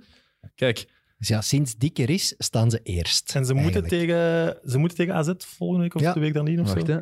En ze krijgen, ze krijgen ook nog eh, de andere Maar thuis. ik- dus- we moeten wel eerlijk zijn, dat, het is straf door de comeback, maar dat gaat wel niet meer lukken. Hè. Het is nog eh, Ik weet het niet. Ze spelen nog tegen Ajax. tien matchen, zes punten. Ik denk niet dat het al ooit gebeurd is op twee ploegen inhalen. Maar wat ik wel Het heel is doordat ze zo zo ver komen, hè, dat, je, dat het straf is, man. bij, bij AZ, wat ik heel knap vind, is dat er toch weer jongens doorgroeien die je eigenlijk nog niet goed kent en die daar wel meedraaien op een heel hoog niveau. Dat vind ik wel heel straf. Die Wijndal, die Koopmijners, ja, dat worden wel allemaal potentiële aankopen voor Europese clubs. Dus eh, zo'n Wijndal, jongen, die was, Beek ik vond, niet, hè. Dat ik vond die echt indrukwekkend. Ja, maar Barcelona, hè. Ik praat over eh, Gladbach en zo, hè. Oké. Barcelona Ja, is wel een iets dat- ander niveau, hè. Als je de, de 11 tegen de 11 van Ajax afzet en vergelijkt, dat Ah, er ik- weinig Ajax-spelers beter gaan gespeeld hebben dan van AZ. En dan alle 11 bedoel ik bijna. En, en heel slimme tactiek ook van die slot. Die man die moet toch ook iets kunnen. Maar was het Eh. slim van AZ of heel dom van Ajax? Ja, beide waarschijnlijk. Er waren heel veel persoonlijke fouten bij Ajax. Hè. Dat inspelen van blind, ja, dat is gewoon heel slecht gedaan. En AZ profiteert er heel hard van. Maar dat was wel ook de bedoeling, denk ik. Dus ze deden, dat deden ze wel heel goed. Ze zochten, laat blind inspelen en dan zijn we erop. Maar als je tegen Boadou speelt en je merkt na 20 minuten van oei, we kunnen ons spel hier niet echt opdringen, dan laat je toch niet zoveel ruimte de hele tijd van achter. Die, allee, AZ, het werd in... Ajax thuis, dat kan niet anders. Hè. En Ajax zit er daarvoor. mentaal ook gewoon moeilijk. Hè. Hm. Het is in een serieuze dip. Je merkt dat ook. Je merkt het aan die matchen Europees, aan die frustraties, aan alles wat daar. Wat daar zie ik hoe dat die als je naar die lichaamstaal kijkt van, van Ajax, dan zie je de problemen alleen daar al aan. Je moet zelfs niet naar hun spel kijken om te zien dat dat niet goed zit daar. Het slachtoffer van hun vorig seizoen, waar ze heel Europa hebben veroverd, letterlijk en figuurlijk, want iedereen was fan en terecht. Ja, dit seizoen is dat natuurlijk niet meer zo, omdat je een aantal heel belangrijke mensen hebben, hebt die weg zijn gegaan naar Barça en Juventus, om er maar een paar te noemen. Eh Ziyech, die zit ook met zijn kop al in Chelsea, denk ik, hè, want er was een, een, daar- daar schijnt een akkoord mee te zijn. Is een akkoord. Het is niet onlogisch, denk ik. Ik denk dat ze, hebben ook wel heel veel pech gehad. Zijn de, de blessures, Promes, zie ik dan... Iedereen die kon invallen, viel dan ook ineens uit. Dus dat was al pijnlijk. En dan ja, Champions League, de VAR-beslissingen zo. Mentaal is dat... Voor al die spelers die zijn gebleven, dan uit de Champions League, dan meteen ook uit Europa. Ja, ik snap wel dat... Ze zijn al eens kampioen gespeeld, dus dat gewoon, motivatie Het moeilijk is is. kwalitatief een minder goede ploeg. Je hebt dan inderdaad, Alle wat, wat Chill met zegt. De Licht en De Jong. Die twee alleen al dat die vertrokken zijn, is een gigantische aderlating. Maar Dolberg is daar ook weg, Schöner is vertrokken. Er zijn wel meer die jongens die vertrokken Ja, zijn, die niet per se een dragende rol hadden, maar die wel bijgedragen hebben tot het er- succes van die ploeg. Maar gaat er wel nog een paar... Allee, Ziyech is een goeie. Tadic blijft toch ook wel een klasbak, eh, zeker voor Ajax. Eh Neres zit hij er nog, ja toch? Hè? Ja, Dat zijn toch de mannen die vorig jaar dragend waren. Het is zoals... Racing Genk is harder eh, de kop afgehakt dan Ajax, snap je? Mhm. De, de kampioenenploeg van, van, eh, van Genk is gedecimeerd. Hè? Dat is, dat is, Maar Ajax ook door de blessures. Als je dan meetelt wel. Ja. Want ik denk twee, drie weken geleden, als je toen zag wie dat ze allemaal misten, als je dan ook nog eens de vertrekkers bijtelt. Ik denk dat je de rol van De Jong vorig jaar er ook niet mag onderschatten in die ploeg. Dat was echt de metronoom van, van Ajax, die die ploeg echt wel deed draaien. En dan heb je nog het vertrouwen in, als het eens misgaat, hebben Matthijs de Licht daarachter staan. Ja. Dat doet veel voor de moraal van een ploeg. Hè? Dat gewoon in geloven weet van, oké, die kerel staat daar, die gaat het opvangen als het even mis zou gaan. Als ze Ziyech en Tadic je niveau van vorig jaar halen, in de eredivisie dan, Kampioen. dan Ah, sowieso. ja, maar kampioen denk ik nog sowieso, maar dan ga je, dat, dat voelt je ha- harder dan het verlies van De Jong en De Licht. In de eredivisie. hè. In de eredivisie. Want je ziet toen ik mee Ziyech in het begin van het seizoen, allee, was het schitterend. En ja, dan, ze wonnen gewoon makkelijk. Hè. Het, komt wel een, en het wordt een heel leuke zomer hè, voor Ajax. Eh, want Onana zal misschien ook nog vertrekken. Je hebt Ziyech die nog vertrekt. Donny van de Beek, hè, Real Madrid is al lang sprake van. Ze hebben enorm veel geld op de bank staan. Hè. Voor een Benelux-ploeg is dat eigenlijk waanzin. Dus ja, het is wel eh, do or die voor Overmars om nu de juiste spelers te gaan halen. Ze hebben nu al meer dan 130 miljoen dat ze mogen uitgeven. Maar ja, dat is ook Hey, Bandé nadeel, loopt er nog altijd rond, hè? Kom, Die is even. naar FC Thun. Als, Is gehuurd, uitgeleend toch, hè? als, Gent, als Ajax nu aanklopt bij Gent voor David. Ja, als je denkt, normaal 30 vraag je- vraag je miljoen, 25, kun je? 30 miljoen voor. Ja, en Ajax vraagt je nu toch 40. Ja, dat is toch niet onnozel over doen. Je weet Dus- hoeveel die hebben. Ja. Iedereen gaat toch... Ah, hier is hè, Ajax. Ali. Tuurlijk. Sowieso toch? En je weet, ja, als je tegen Real gaat zeggen 40, ja, die gaan een andere halen. Hè. Die kunnen een andere halen. Ajax, Holzhauser, 20 miljoen. Zeker, op zijn minst. Samir Nasri, 2 miljoen. genoeg over Nederland? Ja. Of, Ja, denk het wel. eh, in Italië, de wedstrijd, eh, de topper eigenlijk, Juventus-Inter, uitgesteld. Ja, moeten wij ons zorgen maken. Ja, dat vroeg ik mij ook af. Zeker daar gaat die competitie überhaupt kunnen afgespeeld worden. Ik ga nog eh, drie dagen skiën binnenkort eh, in het noorden van Italië. Drie ik eh, het u dagen. weten te zeggen. Dat- Als je nog mocht gaan tegen dan, Hij mag misschien niet Ja. meer terugkomen. Hij zal mogen gaan. Maar dan terugkomen Huh? is iets anders. gaan ze niet op een gegeven moment zeggen dat je ook niet meer mocht gaan. Maar we gaan dit gewoon een coronavrije podcast van Ja, maken. Wat denkt? Goed, goed idee. Wordt Zo gehyped Ik wil er wel nog één ding over zeggen. Ja, Die Steve Clark is blijkbaar niet, die wou niet naar de lood Ja. gaan, Boodschap omdat hij schrik had voor, van Schotland. omdat schrik had voor besmetting. Echt, kom. Ja, maar ik hoop dat ze de loting niet... eh, want zonder Steve Clark gaat dat niet. Hè. Dat is eh, voor de Nations League, man. Hela, evenement van het jaar. Voetbal dan, Atalanta, die met eh 2-7 wonnen van Lecce. En eh, al de derde match, denk De ik. derde keer, ja. Zeven doelpunten dit seizoen. Een gemiddelde ook van drie doelpunten per match. Wat staan die vierde of zo? Ja. Ja, Ah, en die, eh, Enfin, die, dus misschien ja, omdat die er... doen het in de Champions Vierde, League vierde. ook heel goed. ja, absoluut. dat is een waanzinnig verhaal aan het worden. Die moeten ook altijd in eh, Europa op verplaatsing spelen, want die moeten dan in Milaan gaan voetballen. En ja, die, die ploeg die straalt zoiets iets leuk uit. Ik denk dat, dat dat blij is om daar te zijn. Iets ongedwongen. Ja. Ja. En ook heel, heel aanvallend. Een beetje on-Italiaans, maar tegenwoordig kan je dat ook al niet meer zeggen. Maar toch, ze spelen echt heel aanvallend. Met een paar spelers waarvan je denkt, oh, die kunnen het niveau misschien toch niet aan. En ze doen het wel. Ik vind Ja, dat echt knap. Champions League was 4-1 tegen Valencia. Ja, ja, Dan zie ik dus- Valencia ook niet meer, niet meer recht trekken. Nee, en ook weer met, eh met eh, Marten de Roon en zo. Allee, allemaal van die spelers waarvan je dacht, oh, dat vind ik wel straf. Ja, ze doen het gewoon. Echt top. Oké. Ik heb dat nodig, vind ik, in Europa. De, de, die oud one-out die elk jaar het spannend maakt. Vorig jaar was dat ten absurde, allee, of, of tot in het absurde Ajax die echt iedereen wegblies. Dat echt iedereen wegblies. Ik vind dat fijn dat er, dat, er Mhm. dat soort verrassingen hebt. Ik had dat een beetje met Red Bull Salzburg ook. Die ik fantastisch vond spelen met Haaland toen nog daar en eh Huang, denk ik. Eh, Minamino. Minamino, die ja. zit, een beetje te verpieteren bij Liverpool. Eh, ik vind dat heel prettig. Ik vind dat heel prettig dat dat kan en dat de gevestigde orde af en toe wel eens Ja. eh, rammelt. Ja. Ja. Ja, Lyon nu ook, denk ik. Dat kan ook zo Ja, Lyon. soortgelijk worden. En, die, Ook zo'n ploeg die heel hard op opleiding Goeie inzet. uitslag, hè? Ja, Tegen en ja, wat zij wel doen, als er daar mensen vertrekken, het probleem dat Ajax heeft, dat ze niet goed kunnen vervangen. Lyon lijkt er toch echt altijd goed in te slagen.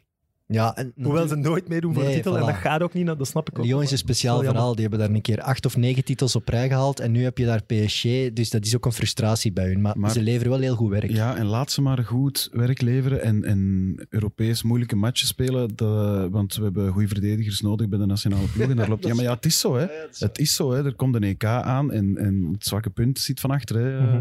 Enfin, hopelijk zit het ook niet meer in het middenveld als Hazard niet mee kan, maar voornamelijk achteraan. Eh, Mhm. Dus ik ben blij voor de naaier dat hij daar eh, zijn streng trekt. Hè. Meer dan dat zelfs. Hè. Hm, klopt. Een Rode Duivel in Engeland die opnieuw een prijs won, was Kevin De Bruyne.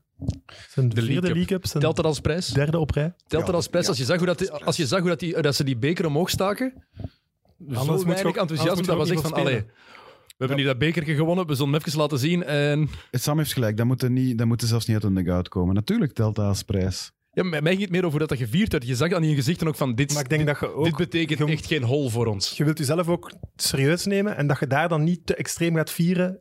Voilà. Het zit, het zit Het tussen, we moeten professioneel zijn en er blij Voilà. mee zijn, maar we moeten ook niet, we moeten ook niet vergeten dat we eh 98 punten achter staan op Liverpool. Ja, want je laat je ook niet verrassen. Hè? Terwijl Aston Villa, dat is de prijs, wel, voor hun zou dat een hele mooie prijs zijn. Je laat je niet verrassen. Dus ja, en wat drie dagen geleden gebeurd, of eerder was gebeurd op eh Bernabeu, is vele malen belangrijker natuurlijk hè, voor City en, en vele malen eh, indrukwekkender ook, hè, wat ze daar hebben gedaan. Ja. ja, daar gaan ze toch, de koster die er vorige week was, de andere, ja. Toch een keer bellen deze week, denk ik. Denk je dat? Hij was niet gaan zien, heb ik gehoord, eh, omdat hem, omdat hem geen, eh, geen geruchten wou voeden. Eh, ja, als, als de Bruyne nog een monstertransfer wil maken, dan zal het ook niet te lang meer mogen duren, denk ik. Hè? Nee. En als je weer bij City ernaast grijpt, Champions League heb ik het dan dit jaar, dan kan me voorstellen dat dan de honger of de druk groot wordt. Maar ik weet niet of dat hij zelf dat ziet zitten. Ik, denk dat, hij heel gelukkig, is eigenlijk in Manchester. Ik ken hem niet, jullie kennen hem beter dan ik. Ik denk dat hij daar echt wel zijn, zijn, zijn plekje heeft gevonden. Ja. En toch hoop ik daar ergens op. Ik zou het heel tof vinden om De Bruyne bijvoorbeeld in het shirt van Barcelona te zien. In zo'n legendarisch shirt. Blijf, nu Manchester City blijft haar, Dat is, in het wit van Real dan. Eh, mij maakt het niet uit, maar zo'n- kan in die dokter van Madrid. Daar kan niks van gedaan Ja, maar- ja, Kijk, voilà. Dat is hè. En twee, zie- ik, ik weet niet of ik Zidane vertrouw om De Bruyne en Hazard samen in een ploeg te laten spelen. Eh, onze bondscoaches hebben het daar moeilijk mee. Ik weet niet of dat Zidane er het tactisch genie is dat dat gaat oplossen. Dat denk ik Goeie opmerking, goeie opmerking. Mag ik nog iets zeggen over die League Cup? Ja, dat mag. Yes. Pak het over, hè, Sam. Pas op, hè. Ah, dat is de special guest, mag dat, hè? We horen nu genoeg. We hadden, oh. We hadden vroeger ook de Coca-Cola Cup in België. Hè. Dat is een keer Nissan Cup geweest. Dat was ook een soort League Cup. We hebben dat geprobeerd. Hè. Een tweede beker naast de beker van België. En op een gegeven moment was de finale Moes Kroen Anderlecht, denk ik. En die is zelfs niet live uitgezonden op televisie. Dus er zijn geen beelden van. 0,0 Ik kan- van herinneren. Ja, maar Toen dat je dat daarover begon, Cup, was dat niet gewoon de beker van België? Nee, we hadden een tweede, tweede beker. Een soort? Liga-beker. Jij en uw vrienden of? Een Liga-beker. Op FIFA. Nee, maar, want, want toen dat je het begon, dacht ik, we hebben toch ook in, zo in de januari een indoor Ja, dat is nog iets helemaal anders. Nee, nee, we hadden ook echt Dat was een ook lachen, maar is dat? Dat is ook lachen. Dan zeggen ze allemaal met vijf tegen vijf van... Ja, In zo'n manege was dat, hè? Ja, dat is- Ja, denk wel was dat- echt... Ik denk wel dat die League League Cup, ook in Engeland, waar de grote ploegen natuurlijk wel present zijn, eh, ik weet niet of dat die nog een lange toekomst is beschoren, want dat ze die Europese bekers gaan hervormen. Ja, dat seizoen zit zo, zo boordevol dat er, vanaf dat er eens een storm is, dat je eigenlijk al met heel grote kalenderproblemen zit. Mhm. En niemand zit erop te wachten. Dus, hoe heet het officieel? Carabao Cup? Carabao. Ja. een Ik vind het ook niet nodig. Maar het is gelijk als een supercup. Mensen die daar schamper over doen. Nee, nee, nee, nee. Je speelt voor silverware als je voetballer bent. En ho- hoe klein dat ook is, het is toch maar iets om in de kast te zetten. En- Toch? Supercup is ook zo de symbolische opener van het seizoen. Ja, maar je wilt hem toch liever winnen dan verliezen? Dat En zeker. mijn vrienden en ik spelen ook nog iedere zomer de Intertoto. Hè? Goh, de Intertoto. Waar is een tijd? Eh, nog in Engeland, de Everton-Manchester United. De goal, niet goal op de, in de allerlaatste minuten van Ah, Everton. niet gezien. Niet gezien? Nee. Vooral die reactie van Ancelotti gezien. Maar we- dat is bijvoorbeeld een ding, dat is zo voor interpretatie. We zullen het niet weer over VAR-decis- Wat was er aan de hand? beslissingen hebben. Afgeweken bal eigenlijk en de speler trekt- van Everton ligt, ligt op de grond en trekt zijn voet in en daardoor gaat de bal door en de Gij is verrast. Hij doet mee aan het spel. Ja, maar ja, de, trap- ongeldig, zeg je. Ja, ja. maar Het intrekken is ook een Ja, spelsituatie. maar de speler van Everton trapt tegen het been van Man United, waardoor hij echt helemaal van richting verandert. Helemaal, het is niet schampen. Hè. Nee. Dus is het dan een nieuwe fase? Is dan ook weer heel Ja, subjectief? ja, voilà. Is het offside? Kan het offside zijn ja. met het been van United? Van vooral de scheidsrechter. Ik vind niet dat hij daar een rode kaart moet trekken aan Ancelotti. Ancelotti, dat is belachelijk. Ja, Ancelotti gaat na de match verhalen, want hij had dat ook twee minuten daarvoor. En gewoon... Kijk, Hey, direct Hier is rood. Direct, hè. Ah, Michel Perdon zal Hier kwaad is- zijn. hier is de zal dat fase. zelf wel geheeld hebben. Oh, we kijken hier live naar de fase. dacht, ik zat even op zoek meteen. Hè. Dat dat afgekeurd is, echt Het is, de reden waarom het misschien geen nieuwe fase kan zijn, is omdat het schot gekadreerd was. En dan is een, is een been van andere geen... Allee, dan is dat nog altijd een schot. Maar is dat Oké. gekadreerd al? Dat We gaan al het oordeel van Gilles afwachten. Nee, ik heb daar echt geen oordeel over. De- dat vind ik nu echt voor gevorderden. voilà. Dat, dat, ik weet het ook niet en, en dan zou ik hem altijd goedkeuren. Ja, ja, Toch? ja. Als Vind je ik het ook. niet weet. Als je het niet weet, voordeel. het aanvallend Ja. voetbal. Voilà. Eh, maar het is... Gaan we dat als regel invoeren? Wat zeg je? Weet je het niet? Goal. Ja. Is, het- weet je de offside niet? Geen offside. Zijn de onzeker laten doorspelen? Ja. Eigenlijk wat een arbiter al in eerste instantie op het veld doet, bij wijze van spreken. Hè? Of toch het voordeel aan de... Ik, ik vind dat altijd en overal, ja. In NBA is dat toch ook zo? Om het showgehalte omhoog te voeren? Als de dubbele drip, als ze Mhm. niet zeker zijn, laten passeren. Laat, laten gaan. Gewoon Dat- laten gaan dat is nu tegenwoordig. wel heel extreem om het Hier, worden. dit is zo absurd Ja, theoretisch. Je, kan, je, je moet kunnen, je- kunnen inschatten, zou die bal zijn voet geraakt hebben of niet? Ja. Dat moet je weten. En dat is eigenlijk quasi onmogelijk om te zien op in die de beelden. baan van het schot is het sowieso. Of in de baan Ja, van de bal dat denken we, de de beelden die we hebben Ja, hier. nee, ja, anders moeten we zijn benen niet intrekken als het niet in de baan ligt.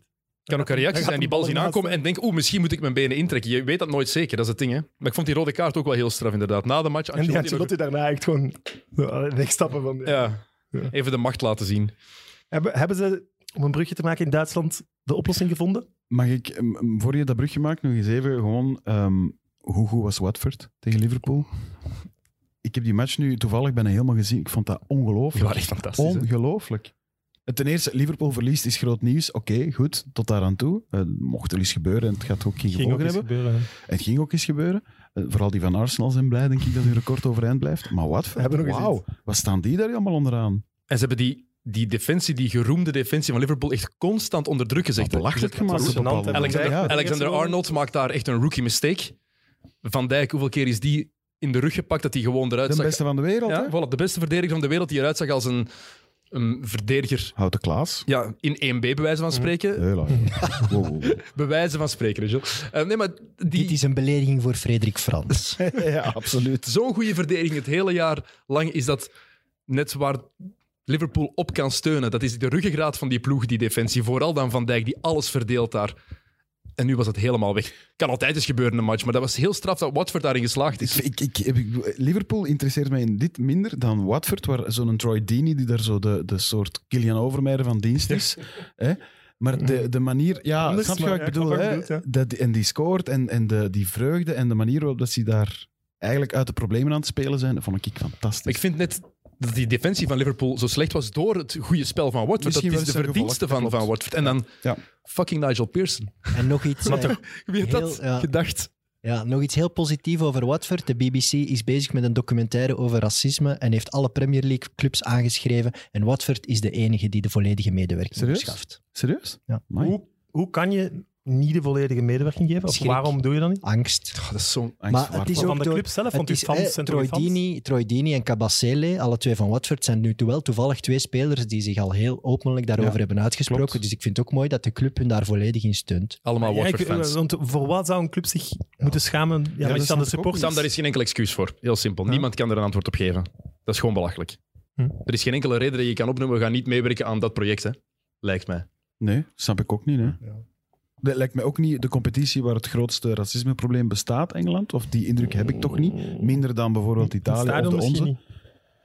Ik weet het niet. Ja, ze hebben niet. daar net Wij zijn heel slecht geplaatst. Wij zijn hier vier blanke mannen in zetelen. Dat mogen we nooit vergeten. Altijd. ja. Maar in Italië zal het nog wel een tikkeltje erger zijn als je daar, Ja. als je kijkt en hoort en leest In wat daar het allemaal gebeurt. Of het valt alleszins harder op in Italië. Nu, eh, in Duitsland heeft een club zich is echt helemaal tegenover zijn eigen fans gezet.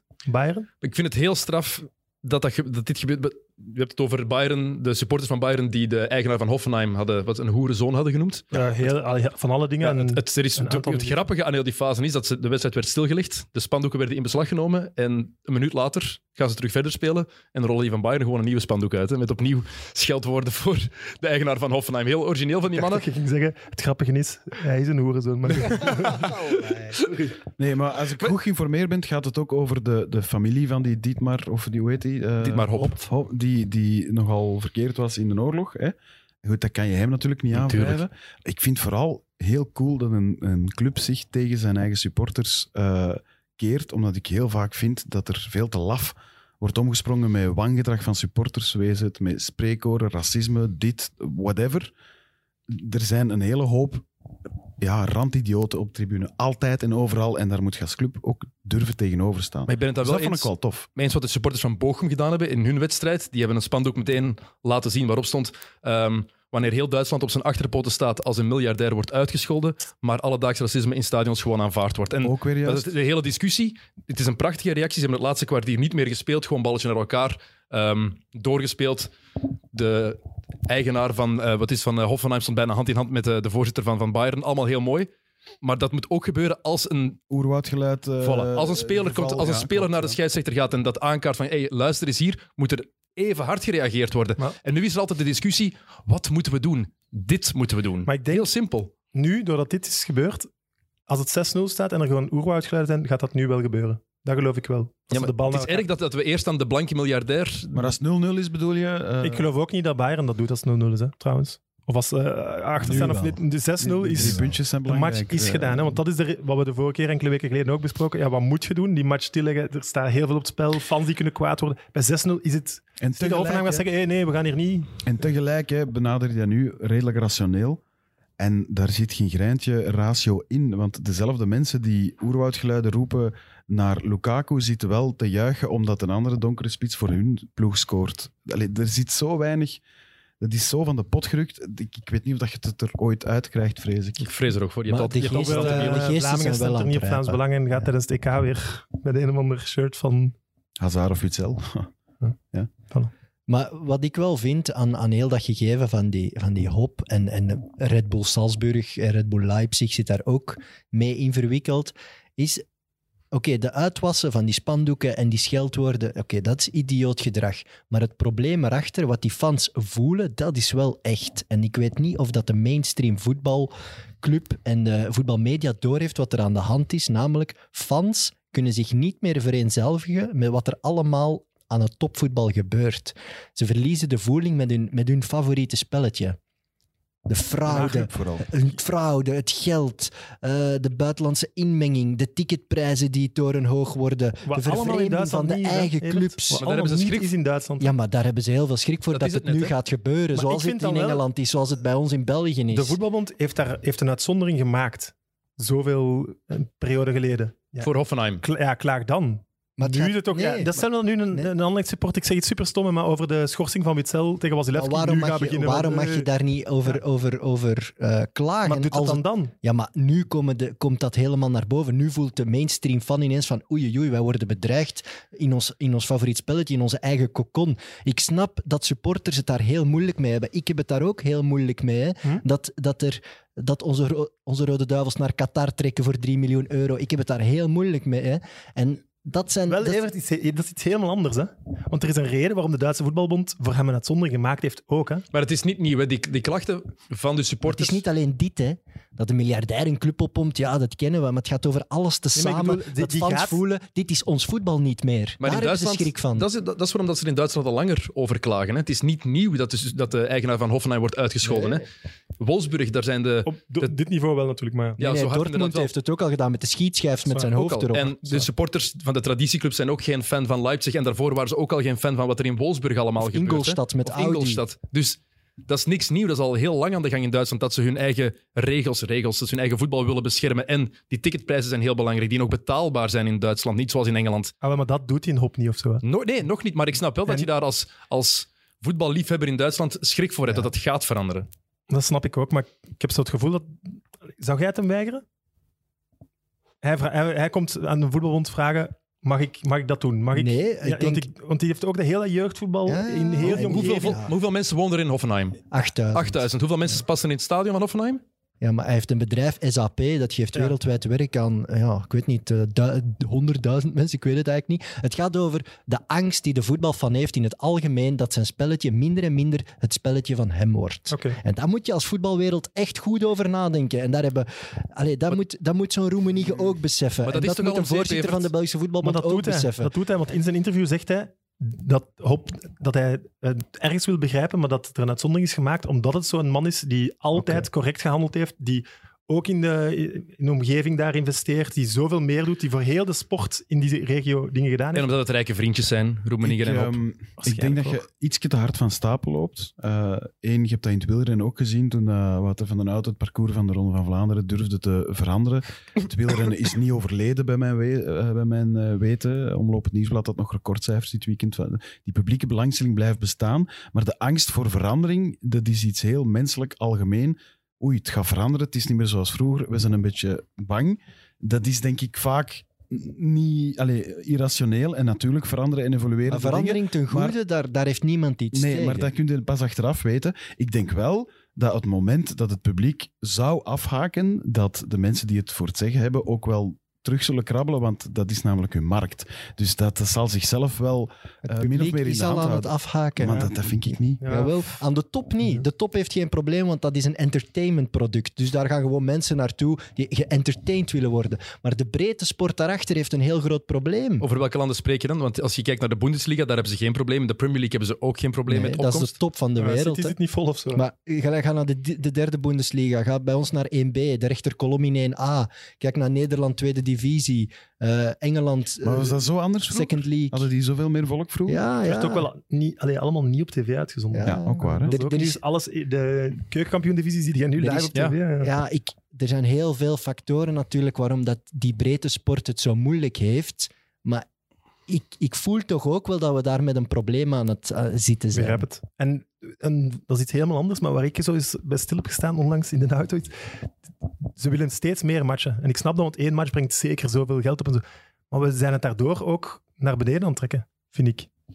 Dat zo minder matchen terug die matchen nog speciaal zijn maken. Dat je echt in je agenda gewoon binnen twee weken is het. Ja, nu is het dus zoveel. Ah, ja, kijk, in eigen competitie, in een Anderlecht standaard, blijf je ervoor thuis. Of standaard Anderlecht. Als niet fan van een van beide ploegen, ik niet. In playoffs misschien, maar... Daarom kijk je uit naar play-off 1.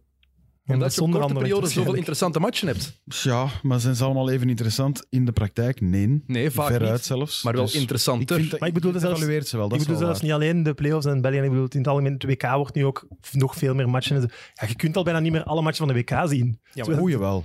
Ja, Ik, wil je alle matchen van het WK zien als er, Ja. 48, als er 48 landen meedoen? En je hebt Ja, zo... WK, WK wel, hè. Echt waar. Kuwait 48 tegen landen? de Comoren, ik kijk. Kuwait tegen Honduras, dan ga je... Ja. Direct, live, pintje, alles. Ja, nee, nee. Omdat dat, omdat dat eenmalig is, uiteraard. En dat EK, ik ben nu al aan het quizpel starten. Ik vind dat Dat is dat evenementieel, hè. En dat is evenementieel. Waar ik het over heb, bijvoorbeeld een beerschot, dat is een moeilijk verhaal. Die hebben zich... hij probeert die kaart te spelen bij Gilles. Ja, natuurlijk, omdat Mooi. ik Gilles aan mijn kant probeer te krijgen. maar jullie hebben eh, samen met Wilrijk een deal gemaakt van kijk, samen kunnen we een grotere club uitbouwen. De supporters hebben dus eigenlijk die club gered en groot gemaakt. En wat is er op een gegeven moment gebeurd? Ze hebben die club verkocht. En waarom zijn die supporters daarin niet meer vertegenwoordigd? Ik vind dat allemaal heel rare beslissingen die het voetbal op lange termijn geen goed doen. Daar valt iets voor te zeggen. Al was het maar voor een deel, hè. Ja, ja, er valt zeker iets voor te zeggen. Tuurlijk, je spreekt hier over een, een redding die noodzakelijk was en een heel aparte situatie. Ehm, en het feit dat die club terug naar boven moet en dus injecties nodig had. Dus dat, allee, het, is, het, is, het is genuanceerd, maar...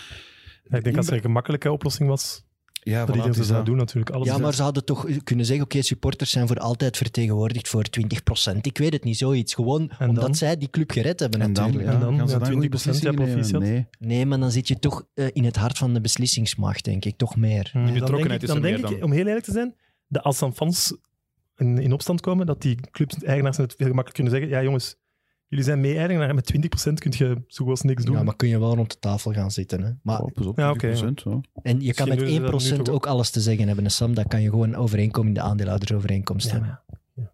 We gaan niet 100%. ja. Maar dat wordt heel technisch. Andere, ja. Ik vind gewoon bij, bij alle uitzonderingen die ze gemaakt hebben, snap ik die van Hop het meest. Want ja, Bayer, eh, Volkswagen, wat is dat allemaal? Ik snap het, in die in stad ja, het is gewoon de, de werkgever. Hè. En 80% van de mensen gaat daar werken, dus die gaan daar niet tegen stemmen. Hè. Nee, en je hebt ja, geld tuurlijk, nodig hè, om de top te bereiken in Oh. Belgisch voetbal. Dat ziet iedereen. Hè. Laatste item misschien van de Bundesliga, Bornau. Mhm. Krijgt heel veel lof daar, maakt heel veel goals. Nu, verdediger moet misschien niet geroemd worden voor het maken van goals alleen, maar Ik heb nooit begrepen dat Anderlecht die heeft laten gaan. Het was nooit, niet dat Bord nou de topverdediger is, hè, maar de miljoen. filosofie van Anderlecht, de jeugd, hè, de, de jonge talenten moeten we koesteren en moeten we voeden, die moeten we kansen geven. En dan gaan ze Sandler huren van Manchester City, dan gaan ze rare beslissingen nemen, vind ik. Ik vind het heel vreemd. Bornau laten gaan, Salemakers nu ook verkocht. Oké, ze die verkopen, of je hem goed genoeg vindt of niet, maar als je toch... Ja, ik snap het, Evert, dat je het geld wil. Ik snap dat je het aanvaardt. Maar als dat je filosofie is waar je zo elke keer voor uitkomt, totdat je het kotsbeu bent. Ik ben dat al sinds kotsbeu gehoord. Hè. Eh, Trust the process, ook mooi gepikt die slogan. Ehm, maar Van? de Philadelphia 76ers. Ehm, het is zo... Ik kan er niet tegen dat je hypocriet bent, dat je de hele tijd zegt dat je voor een bepaald principe gaat. En dat is waar je helemaal voor staat en het dan compleet tegenspreekt. Omdat de realiteit namelijk ook nog meespeelt. Tuurlijk, maar zwijg dan. Het is, even, het is gewoon zo simpel als het groot is. Eh, ja, als het, ze hebben geld nodig en dan moeten we weg. En, oh ja, de process Maar, en als Sander niet geblesseerd geraakt, Maar, maar Company weet hoe goed hij is, wie weet speelt. Tuurlijk, dan maar nooit. Als je dan zwijg 7 dan. miljoen krijgt, Zwijg dan, zeg dat niet de hele tijd. Dat is mijn punt vooral. Zeg niet de hele tijd. Je moet niet altijd als excuus gebruiken. Ja, we zijn nog jong, we weten het. Elke keer opnieuw hoor je dat. Moet hij op een shortlist beginnen staan voor het EK? Dat, ik- dat ging net mijn vraag zijn. Ik ken die mens... Allee, ik ken die Ik, niet ik goed stel hier de vragen, hè, Gilles. Hè, zeg? Ja, maar jullie zijn de kenners. Ik ging de vraag aan de kenners stellen. Ik vraag het mij af. Ja, is dat iemand die goed genoeg is op dit moment om daar al een plekje op te eisen? Wie zijn plaats neemt hij in? En wie neem je zeker mee als verdedigers? Neem je een Er verdediger, zijn er heel veel die in de weegschaal liggen. Ik denk dat er ook nog heel veel boven hem staan. neem je een verdediger die in Japan speelt mee? Met Thomas Vermalen. Ja. Puur op naam. Ja. Neem je een verdediger mee die... ervaring van het toernooi en zo ook. hè. Neem je iemand mee die 75% van de tijd geblesseerd is met Vincent Company? Dat zijn allemaal heel goede vragen. Vertongen die nu meer bankzitter is dan hem dus. lief is. Eh, maar Vermalen weet ik dat we dezelfde discussie woeden eh, pre-Euro 16, waar hij eigenlijk een heel goed toernooi speelt. dat is waar. Die heeft klasse nu. We zijn vier jaar verder natuurlijk. Hè, maar die heeft klasse te over Vermalen. Daar twijfelt ook niemand Hij aan. is 35 bijvoorbeeld al, hè? Ja, hoe hoe oud Is Igor de 35? Camargo bij Mechelen? Oh, ja. Ja, toch? Hè? Van 85? Kan zo? Ja, ik denk dat hij intussen wel een jaar of 35 is. Eh, nu, voor een verdediger is dat doorgaans net iets minder erg, denk ik. Ehm, maar wat zijn alternatieven? Dat, dat- zo, Ja, zo moet je voor mij moet je zelfs bijna Zinho in de basis zetten. Want er zijn er zo weinig. Wie? Zinho van Eusen. Van Eusen, van Standaard. De Naaier, Boyata. Cabaceli. Cabaceli. Ja. Laat ons ook niet vergeten dat Bornau nog altijd minder doelpunten heeft gemaakt dan Davy de Pauw. En dat is ook, dat is ook een is verdediger. perfect om daarmee te eindigen. Echt, het is heel mooi. Heel mooi. Onze special guest moet altijd een naampje eh, trekken. Voor het shirt van Haaland we hadden gevraagd om voor 1 februari te voorspellen hoeveel goals hij ging maken in februari. Dat waren er zeven. En Ja. vijf mensen hadden dat juist voorspeld. Dat is wel maf, hè, dat je dat, die zeven, dat dat klopt. Ik had 13, dus ik zat er ver naast. De winnaar van het shirt van Erling Braut Haaland is de heer Karel Beks. Proficiat, Karel. Voilà. Karel, eh, contacteer ons via Instagram, Facebook, Twitter. Maakt niet uit. Het shirt van deze week. De man die vorige week het record brak. Hola. Even Aarde. Even Aarde. Hij moet het nog breken, hopelijk. Is gesigneerd? Houd. Eh, normaal wel, ik zal zorgen dat het een gesigneerd is. Ja. Als deze niet gesigneerd is, maar normaal wel. Hè. Ja.